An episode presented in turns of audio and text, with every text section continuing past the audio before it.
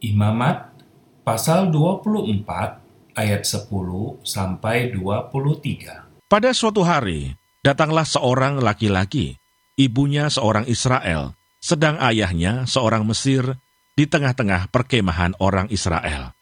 Dan orang itu berkelahi dengan seorang Israel di perkemahan. Anak perempuan Israel itu menghujat nama Tuhan dengan mengutuk, lalu dibawalah ia kepada Musa. Nama ibunya ialah Selomit binti Dibri dari suku Dan. Ia dimasukkan dalam tahanan untuk menantikan keputusan sesuai dengan firman Tuhan. Lalu berfirmanlah Tuhan kepada Musa, Bawalah orang yang mengutuk itu keluar perkemahan, dan semua orang yang mendengar haruslah meletakkan tangannya ke atas kepala orang itu.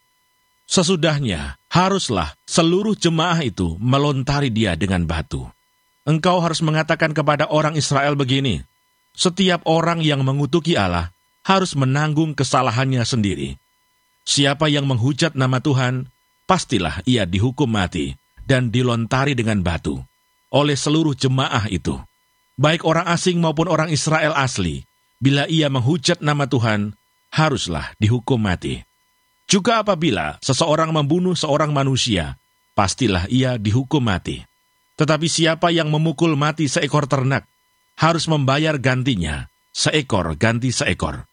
Apabila seseorang membuat orang sesamanya bercacat, maka seperti yang telah dilakukannya, begitulah harus dilakukan kepadanya. Patah ganti patah, mata ganti mata, gigi ganti gigi. Seperti dibuatnya orang lain bercacat, begitulah harus dibuat kepadanya.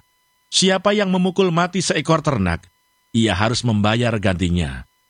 Tetapi siapa yang membunuh seorang manusia, ia harus dihukum mati.